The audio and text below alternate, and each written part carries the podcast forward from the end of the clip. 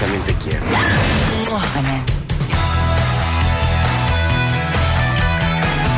I si veiem bé, veurem més bé al cinema Gorina. Quines pel·lícules ens recomanes avui? Home, a veure, a banda de dos petits, eh, bueno, grans festivals que ens han visitat aquests dies i que fins al diumenge ens han d'ocupar, com és el FICCAT, la Mostra Internacional de Curs en català de Roda de Barà, o la Mostra de Films de Dones, que té lloc a la Filmoteca a Barcelona, i que totes dues ens proposen visions alternatives, mirades imprescindibles, el que és eh, una altra manera de veure el món, de veure la vida, i a més a més de reflectir-la en l'obra feta, en el cinema. Sí. La doctrina del xoc, evidentment, és la pel·lícula que més m'interessa i crec que més ha de preocupar als espectadors i a la gent que viu senzillament a la gent que viu. És un link, és un link amb una pel·lícula que està tenint un èxit impressionant, que és Inside Job.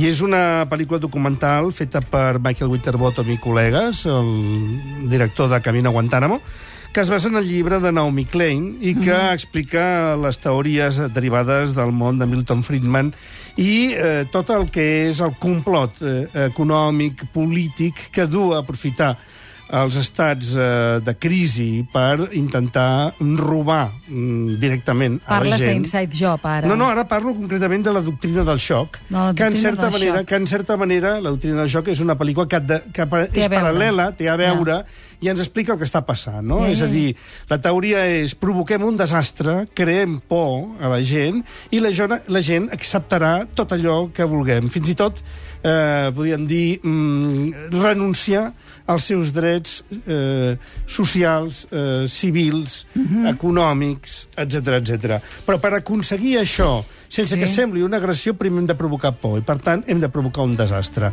Per exemple, un 11 de setembre pot venir molt bé.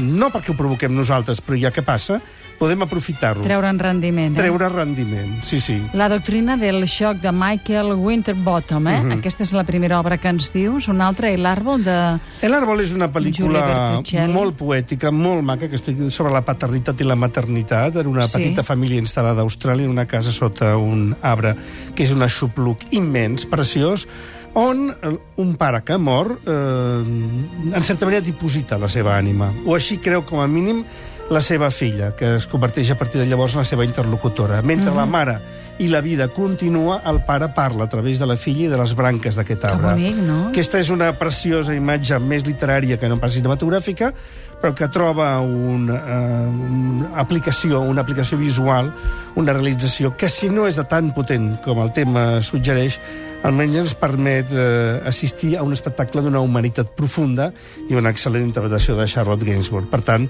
pel·lícula recomanable. Barraquer, la teva visió és la nostra raó de ser. La cirurgia refractiva. Miopia, hipermetropia i o astigmatisme són defectes de la refracció ocular.